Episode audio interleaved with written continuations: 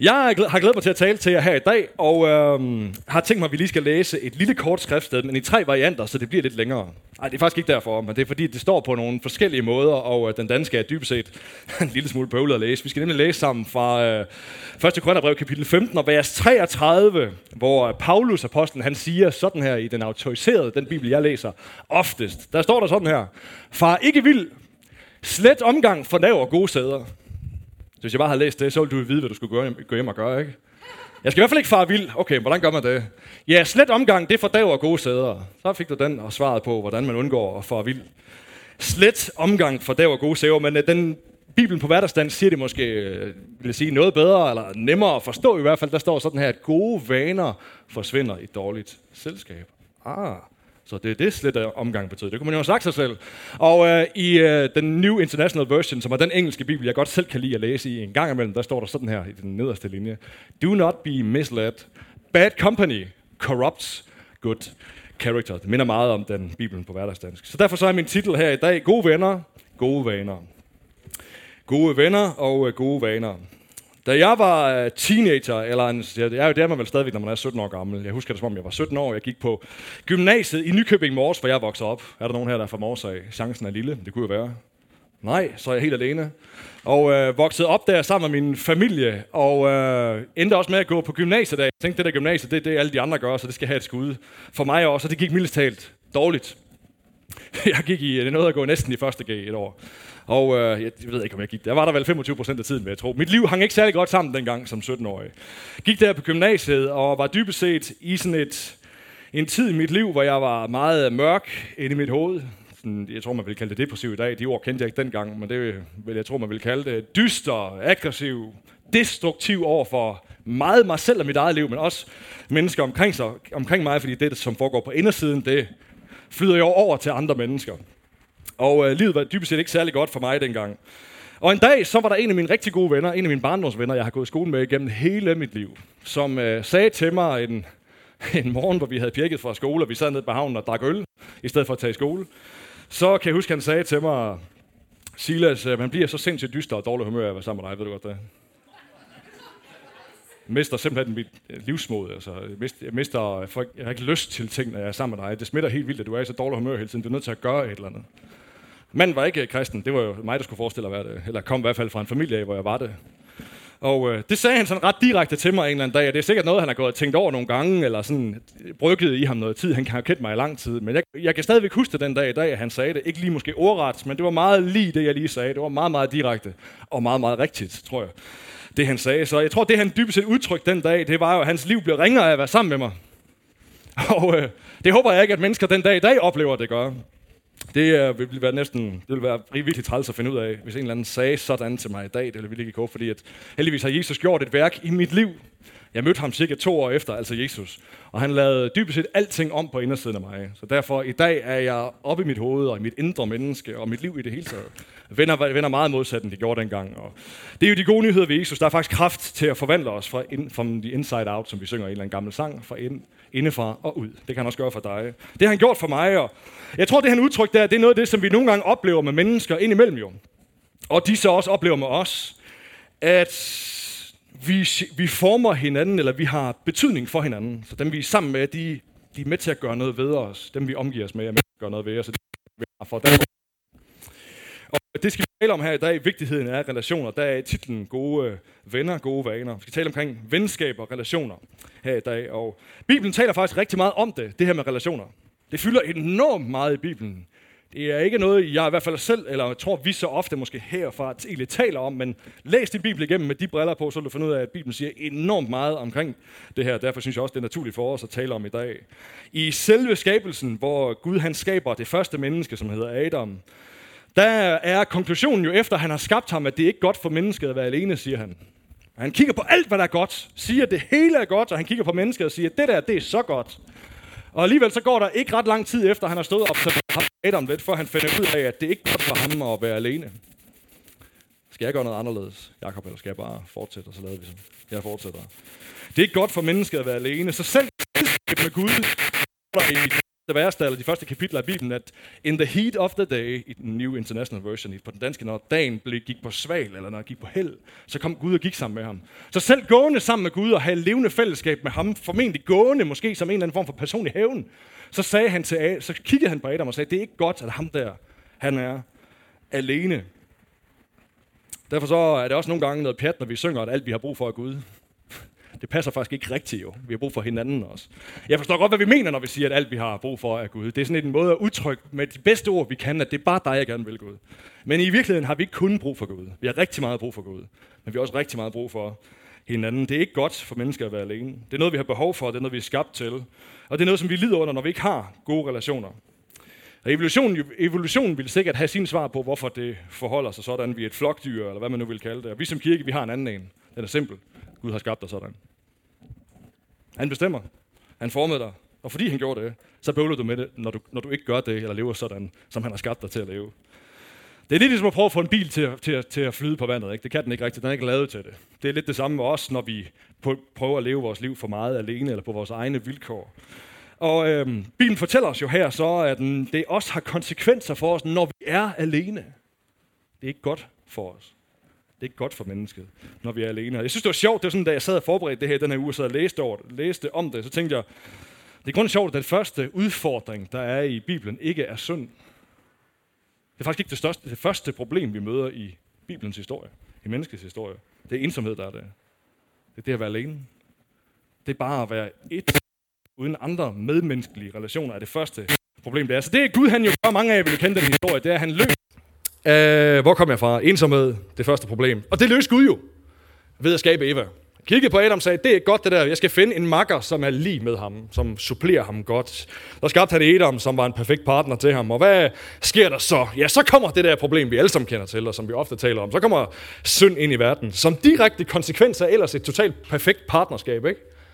Den første, den bedste gode relation, den som Gud lige har sat i verden, eller sat i stand og har skabt, det er det, der dybest set bringer synd ind i verden. Selvfølgelig ved Eva, kvinden, som jo lader sig lokke, da slangen kommer og lokker. Og ja, så også Adam, som er et skvat, som sidder lige ved siden af, mens han måske hører, at Eva bliver lokket, og ingenting siger af den her slange, som har nogle tanker omkring, hvordan de skal leve deres liv, og så falder de så i synd, og midt i den der situation, der i første Mosebog, så kan vi se betydningen af vores relationer. De kan enten være med til at trække os ned, eller de kan løfte os op.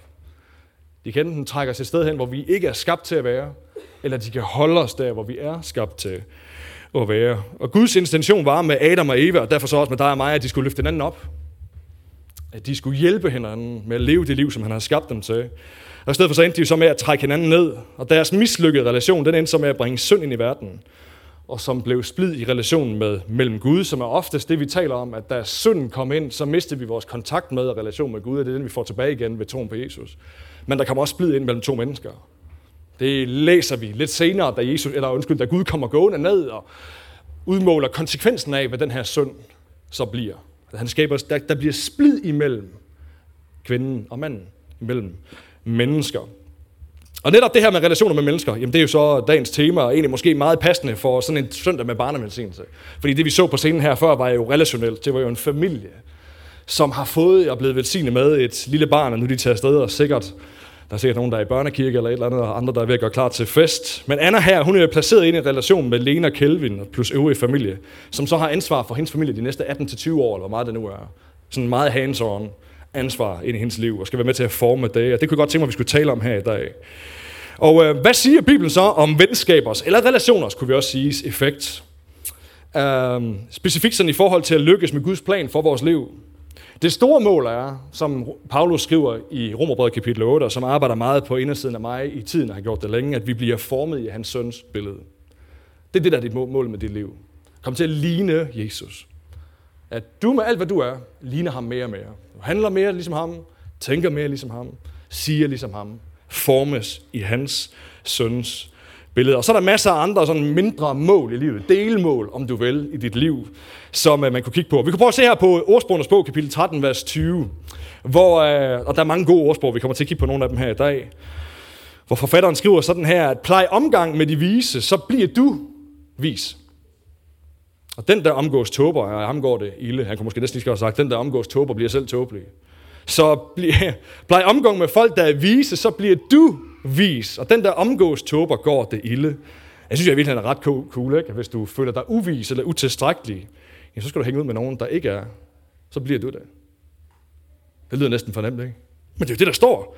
Plej omgang med de vise, og så bliver du. Så smitter det, de er, det de er af på dig. Betydningen er jo det, at vi bruger tid med mennesker, som er det, eller hvis vi bruger tid med mennesker, som er det, vi endnu ikke er, man gerne vil være, eller der, hvor vi skal hen, så bliver vi mere af det selv. I det her tilfælde er det visdom, som bliver brugt. Egentlig fordi det måske var kong Salomon, som skrev det, og han gik en del op i, i visdom. Men det kan også være tålmodig, målrettighed, selvopoffrenhed, hvis der er noget, der hedder det, omsorgsfuldhed, modighed, trosfuldhed, alt muligt andet. Alle mulige gode karaktertræk eller ting, du gerne ville, var en del af dit liv eller din karakter. Det kan du få mere af ved at omgive dig med mennesker, som er det. Og mindre, hvis du omgiver dig med folk, der ikke er. Plej omgang med det vise, så bliver du vis. Og den, der omgås tåber, går det ilde. Jeg har slået nogle definitioner op, eller nogle, sådan nogle citater op. Den første, vi lige skal prøve at kigge på her, er fra en teolog, der hedder A.W. Tozer, som er sådan en gammel teolog, som nogen måske har læst noget af, og har skrevet en hel del meget, meget øh, mange solgte bøger. Og han siger sådan her, We are the company we keep. We are the company we keep, i en bog, der hedder The Incredible Christian. We are the company we keep. Altså, vi er det selskab, vi selv holder. De mennesker, vi selv er sammen med, det er vi oversættes ikke så godt på dansk, som det gør på engelsk, men vi bliver sådan, som dem vi er sammen med, er det, han siger. Og det lyder som et citat, tænker jeg, da jeg i hvert fald lige selv sad og kiggede på det, så synes det lyder som sådan et citat fra en eller anden amerikansk motivationstaler, ikke?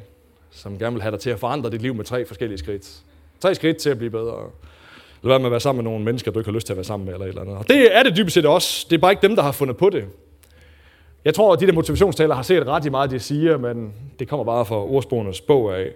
Ikke desto mindre er det sandt, og trods det, at det måske lyder banalt eller sådan lidt selvhjælpsagtigt, og det kan vi nogle gange som kristne have det svært med, så indeholder det en udfordring for os, at de venner, du vælger, de relationer, du har, dem, du bruger tid sammen med, de er med til at bestemme, hvem du bliver og hvor du kommer hen af.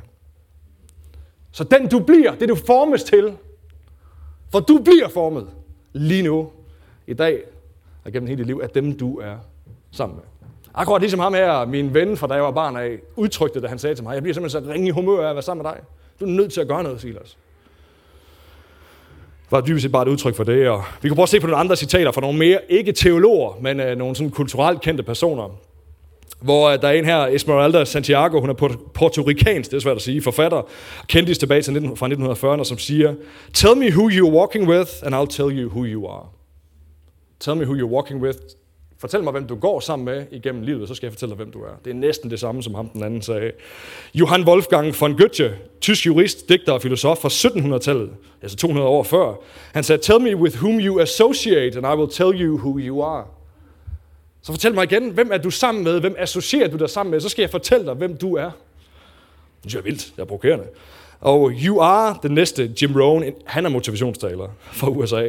You are the average of the five, five people you spent the most time with. Den er meget, meget kendt. Nogle af jer har måske læst den før. Bare sådan et par eksempler på nogle kendte mennesker, tænkere og personligheder, som på hver sin måde udtrykker det, som Bibelen egentlig altid har sagt. At du bliver ligesom dem, du er sammen med. Så de relationer, du har, de former dig. De venner, du har, de skaber dine vaner. Der er dagens titel. Vores venner og vores inderkreds, de har, sådan, de har en ekstrem betydning for, hvem vi er i vores liv. Og det her indledende skriftsted, vi læste fra 1. Korintherbrev, der er Paulus jo ret direkte lige frem i hans måde at kommunikere på. Han siger, far ikke vild. Do not be misled i den engelske stod der. Lad være med at undre dig så meget over det. Lad med at bilde dig selv noget andet ind. Hvis du er sammen med mennesker, som har dårlig karakter, så forsvinder de gode vaner ud af døren. Alt det, sågar som Gud har sagt, han taler det ind i en kontekst, hvor de er i gang med at hvor han er i gang med at redegøre for, at Jesus er opstået fra de døde af. Altså det er noget af det allermest centrale i vores kristne tro, at det han taler om der i 1. Korintherbrev kapitel 15.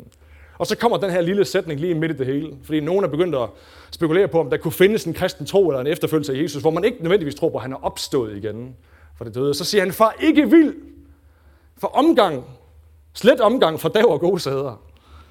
Gode vaner forsvinder i et dårligt selskab, den rigtige overbevisning kan forsvinde lige ud af vinduet, hvis det er de forkerte mennesker, du hænger sammen med. Er lidt det, han siger. Hvis du, hænger, hvis du er sammen med mennesker og bruger det meste af din tid sammen med mennesker, som ikke er enige eller har den samme overbevisning som dig, eller vil noget andet med deres liv, så kommer det til at forme dig. Det der rigtige i dit liv, den overbevisning, Gud har givet dig, den kan forsvinde på grund af de mennesker, du, hænger du er sammen med.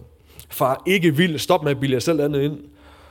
Lad mig lede efter alle mulige svar, alle mulige andre steder, skæbne, univers, Guds vilje osv. Det er dine relationer, der kan være med til at ødelægge dit liv.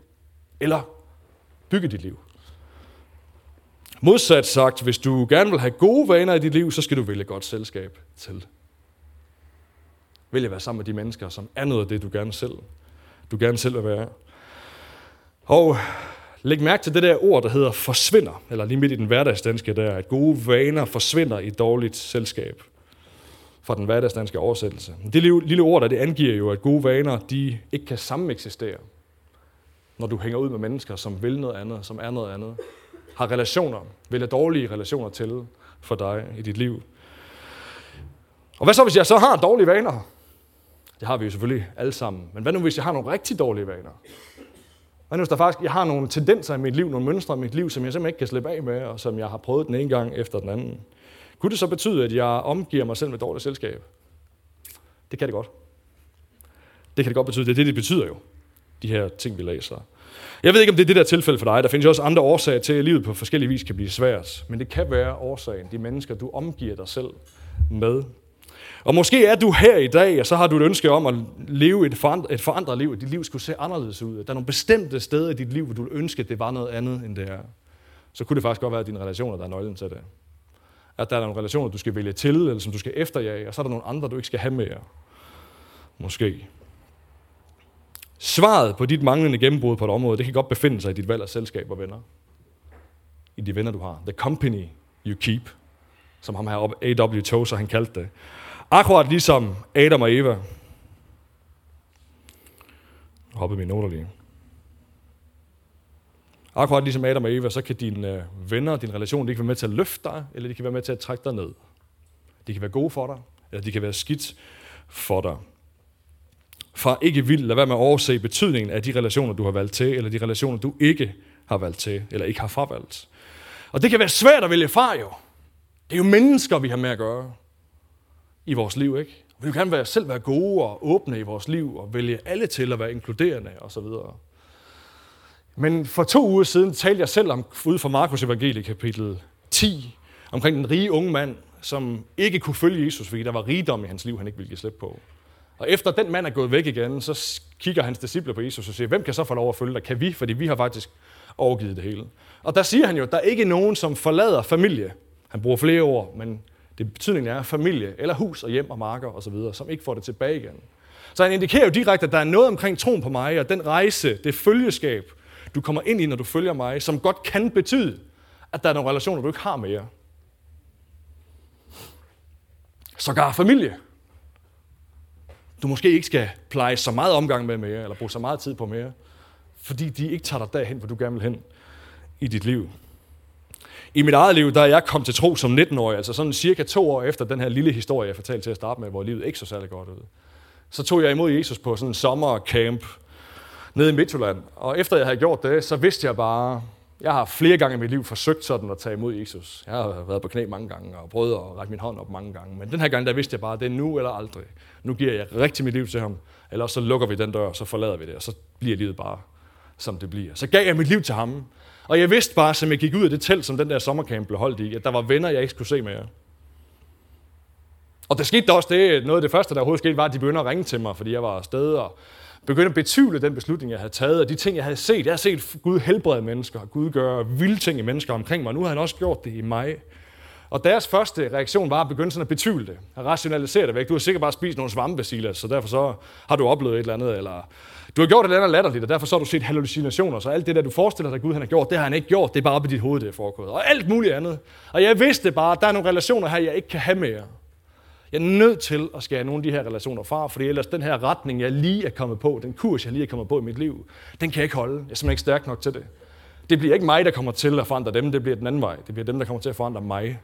Lige tilbage igen, formentlig, til det, som jeg var i. Burde du ikke have været lys og salt for dem, Silas? Jo. Jeg håber også, jeg kommer til at blive, men på det tidspunkt, der kunne jeg ikke være det. Der handlede det om at bevare det, Gud havde gjort i mit liv. Og den retning, jeg skulle være på at blive formet i hans søns billede. Fordi vi bliver som det selskab, vi holder, de venner, som vi har. Og her i kirken, der har vi defineret det som, at vi elsker, eller vi eksisterer for at være en kirke, som elsker Jesus, elsker mennesker, og som gør disciple alle vegne. Det er det liv, jeg gerne selv vil have. At det er det, man tænker, når man møder mig. Ham, der han elsker Jesus. Han elsker mennesker, og han er fuldt optaget af det, som Gud han har givet os som mission at gøre, netop at gøre disciple alle steder, hvor vi er. Det vil jeg gerne. Og det betyder også, at jeg er nødt til at skal have relationer for mit liv jo. For hvem det er det samme mål. Det er også det, de gerne vil. Dem, jeg omgiver mig med, det er også det, de gør. Det kan være, at de udtrykker det anderledes end mig, men det er dybest set det, de gerne vil med deres liv. Er jeg nødt til at være sammen med, for at skærpe mig og forme mig og skubbe mig i den retning. Nødt til at have mennesker med liv, som er sådan, som orienterer sig efter det samme. Som har samme retning, samme mål, samme værdier og opvisning, som jeg har. Så vi i fællesskab former hinanden, som, som øh, kong Salomo han siger det her i den næste ordsprog, kapitel 27, ordsprogens bog, vers 17, hvor der står, jern slibes til med jern. Det ene menneske sliber det andet til. Jern slibes med til med jern, og det ene menneske sliber det andet til.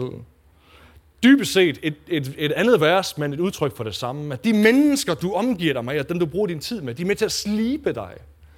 De er med til at forme dig og give dig retning for dit liv. Så venner, hvad med at vælge nogle gode venner? Hvad med at tænke dig om en gang i forhold til de relationer, du har? Om der er nogen af dem, du skal have mindre omgang med? Selvom det kan være rigtig svært, og det kræver visdom, og det skal vi bede om til sidst. Visdom ind i sådan en situation, hvor man måske skal vælge nogle mennesker fra. For det kan være ømt, og det kan være svært. Hvad med at gå det der kartotek af venner og relationer, du har igennem? Og måske er der nogen, du skal vælge til, eller som du har brug for, at Gud sender dig på din vej. Nogen, som er det der, du ikke selv er. Og som kan slibe et område af dit liv til, som du ikke selv kan slibe til. Jeg gør det selv ofte, og Christine og jeg gør det så ofte, vi overhovedet kan, når vi nogle gange identificerer nogle mennesker, og vi kan se, at de er gået længere, end vi er. De er, et andet, de er et sted i deres liv, hvor de er længere nede ad vejen, end vi er. Det har vi brug for at være en del af. Vi har brug for at rubbe off. Vi har brug for at stå skulder til skulder med de der mennesker. Fordi noget af det, der de har, så jo vil smitte af på os. De vil slibe os til. De bliver med til at forme os. Det gør vi ret ofte. Indimellem bruger vi også en del penge på at køre efter det. Sætter os i vores bil med dagens dieselpriser og kører et eller andet sted hen for at være sammen med de mennesker. Hvis ikke de lige bor her. Fordi det er vigtigt, hvem vi er sammen med. Dem, du er sammen med, former retningen og destinationen for dit liv. Det er også derfor, vi tror på her i huset, i hvert fald en af grundene til, at vi tror på smågrupper, vi kalder dem huddles, som mødes hver anden uge, typisk om onsdagen, for at have fællesskab i en mindre gruppe med hinanden, fordi man der har mulighed for at slippe hinanden på en helt anden måde, man kan gøre i sådan et stort fællesskab som det her. Man kan komme tættere på hinanden på de gode ting og de svære ting i livet, og med til at slibe hinanden i det liv, som vi lever. Og det er det hele taget grunden til, at vi behøver kirke. Kirke er mennesker i relation med hinanden. Det eksisterer ikke kirke som enkeltstående individ. Det findes ikke at følge Jesus alene. Det kan man ikke. Vi har brug for mennesker. Det er også derfor, tror jeg i hvert fald, at han siger, at der hvor to eller tre er forsamlet i mit navn. Nej, ikke dig alene. Der kan jeg også godt være. Jeg har selv oplevet mit eget liv. Men der sker noget særligt der, hvor flere mennesker er sammen. Hvorfor? Fordi sådan har han skabt os. Det er ikke godt for mennesket at være alene. Jern sliber jern. Det ene menneske sliber det andet til. Og du bliver ligesom dem, du er sammen med. Han har skabt os til at være i gensidig afhængighed med hinanden. At vi slibes og formes af hinanden og løftes op af hinanden. Så hvem bruger du din tid sammen med? Har du gode relationer i dit liv? Folk, der er med til at løfte dig? Eller har du lidt for mange mennesker, som i virkeligheden er med til at trække dig et sted hen, hvor du ikke har lyst til at være? Og hvor Gud ikke har kaldet dig til at være? For Gud, han har kaldet dig. Han har købt og betalt dig med sit dyrebare blod, som Bibelen beskriver det, til at formes i hans billeder. Det bliver man kun sammen med andre mennesker. Og derfor så er det vigtigt, at vi vender de rigtige til. Gode venner, det giver gode vaner. Så uanset hvad du beskæftiger dig med, jeg har bare lyst til at sige, at hvis Gud nu har kaldet dig til en bestemt sfære i samfundet, det kunne være, at du er forretningsmand, eller skal være det, så find nogle rettroende, nogle gode forretningsmænd at omgive dig med. Nogen, som kan slibe den side af dit liv. Hvis du er i fuldtidstjeneste, som vi kalder det, så find gode, solide tjenester at hænge ud med, som kan slibe den del af dit liv. Hvis du nu skal være i sportsverdenen eller et eller andet inden for kulturen, find nogen, der gør det på Jesus-måden, og være sammen med. Betal for det. Rejs for det.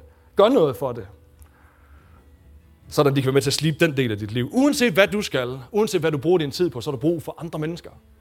Fordi de er med til at løfte dig Og de kan også være med til at trække dig ned. Okay, vi skal lige læse den sidste passage her, inden vi snart er færdige. Der står sådan her i Efeserbrevet kapitel 3, vers 14-19, hvor den selv samme apostel Paulus skriver, Derfor så bøjer jeg mine knæ, der kigger jeg for tidligt, der bøjer jeg mine knæ for faderen, efter hvem hvert fædrene hus i himlene og på jorden har navn. Og beder om, at han i sin herlighedsrigdom med kraft vil give jer at styrkes i det indre menneske ved hans ånd. At Kristus ved troen må bo i jeres hjerter. Og I vil rodfæstet og grundfæstet i kærlighed, så er I sammen med alle de hellige. For at styrke til at fatte, hvor stor bredden og længden og højden og dybden er. Og til at kende Kristi kærlighed, som overgår al erkendelse. Så I fyldes til hele Guds fylde nås. Amen. Alt ved, den her, alt ved de her vers her, som rummer så meget, og som man kunne sige så meget om, er relationelt.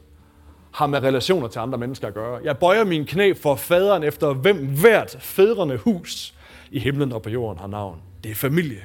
Det er relationelt. Og beder om, at han i sin herlighedsrigdom med kraft vil give jer at styrke sit indre menneske ved hans ånd, at Kristus vil tro med bo i jeres hjerte, og I være rodfæstet og grundfæstet i kærlighed, så at I sammen med alle de hellige får styrke til at fatte, hvor stor bredden, længden, højden og dybden er i ham, og til at kende Kristi kærlighed, som overgår al erkendelse, så I fyldes til hele Guds fylde nås. Det er nogle andre ord for det. Hele Guds fylde er målet med sådan en kirke, som også og de andre kirker i øvrigt. Og vi kan kun komme i nærheden af det sammen. Man kan ikke alene. Derfor har jeg også lyst til at udfordre dig her i post-coronatiden et halvt år efter. Hvor alle statistikker siger, og vi kan jo også godt se det her i huset, at der er, færre, der er færre mennesker, som møder op til kirkeforsamlinger og events. Jeg vil gerne udfordre dig, du har brug for det. Uanset om du hører til her eller et andet sted. Du har enormt, og meget mere end du selv tror, brug for at være sammen med den kirkefamilie, du er en del af. Så prioriter det. Mød op. Mere end du tror, du har behov for. Vær en del af det. Engager dig i det. Kom i en eller anden gruppe. Find nogle relationer. Vær sammen med mennesker. Det er kun sammen med andre mennesker, at vi kan det der. At hele Guds fylde nås. At vi får lov til at se, hvem han er. Får lov til at se dybden, bredden, højden, længden, det hele af, hvem han er. Alle farverne, alle facetterne, al kraften. Det findes kun sammen. Gode vaner, eller undskyld, gode venner, det giver gode vaner. Gode relationer, det er med til at tage dig derhen i dit liv, hvor Gud har kaldet dig til at skulle hen. Så skal vi ikke bede sammen omkring det her her til slut. Jeg har lyst til, at vi skulle rejse os op. Så kunne jeg tænke mig at bede om både visdom til dig, der måske har en relation, som skal skrues ned for. Også at du må få åbenbaring eller få mod til at opsøge nye relationer. Vi vil også bede om, at der må være nye venskaber, som overnaturligt opstår. Gud kan faktisk til dig, som har brug for en ny ven eller nye venner, kan godt sende dem til dig. Det er på hans hjerte, at du har gode relationer og gode venner. Så far, bare luk dine øjne, hvis du har mod på det. Far, vi takker dig for den her dag. Tak, Jesus, at alle os, som er på det her sted, har du gode planer for. Ønsker at forme os, Jesus, til at ligne dig mere. Det er det, du har kaldet os til. Tak, Jesus, at du har kaldet os til som mennesker i relation med hinanden, som din kirke, at nå hele Guds fylde. Og der er vi så sandelig ikke endnu. Så jeg bare beder dig om, Jesus, at i vores liv, der hvor der er usunde relationer, som er med til at trække os ned i vores liv, eller holde os væk fra det mål i vores liv, som du har for den enkelte.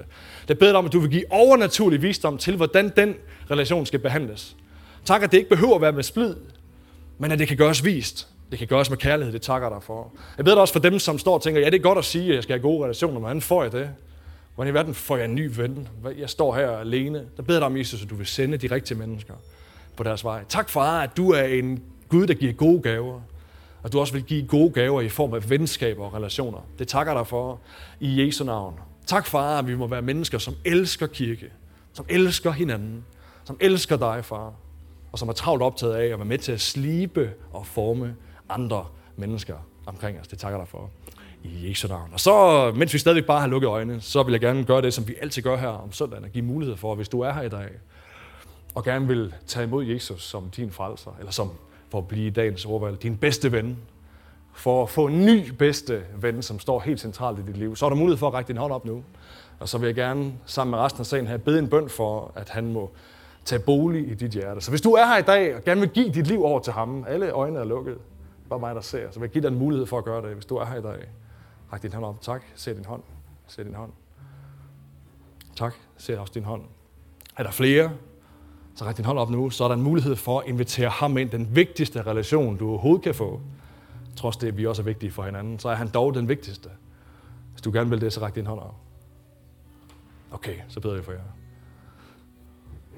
Så jeg kan godt tænke mig, at vi gør det her sammen nu, som sal, at jeg leder i en bøn, og mens vi alle sammen har lukket øjnene, så beder I bare med, og så hjælper vi de her mennesker med på en god måde at henvende sig til Jesus. Skal vi gøre det? Så kære Jesus, vi takker dig, fordi du er her. Tak, at du har kaldet os til relation med mennesker, med hinanden, og allermest med dig. Og lige nu så inviterer vi dig ind som den primære relation i vores liv. Som den vigtigste af alle. Og så, som den, vi styrer vores liv efter. Vi lægger vores liv i dine hænder. Giver vores hjerte vores tanker og alt, hvad vi er, til dig. Ønsker at følge dig fra den her dag. I Jesu navn. Amen. Amen.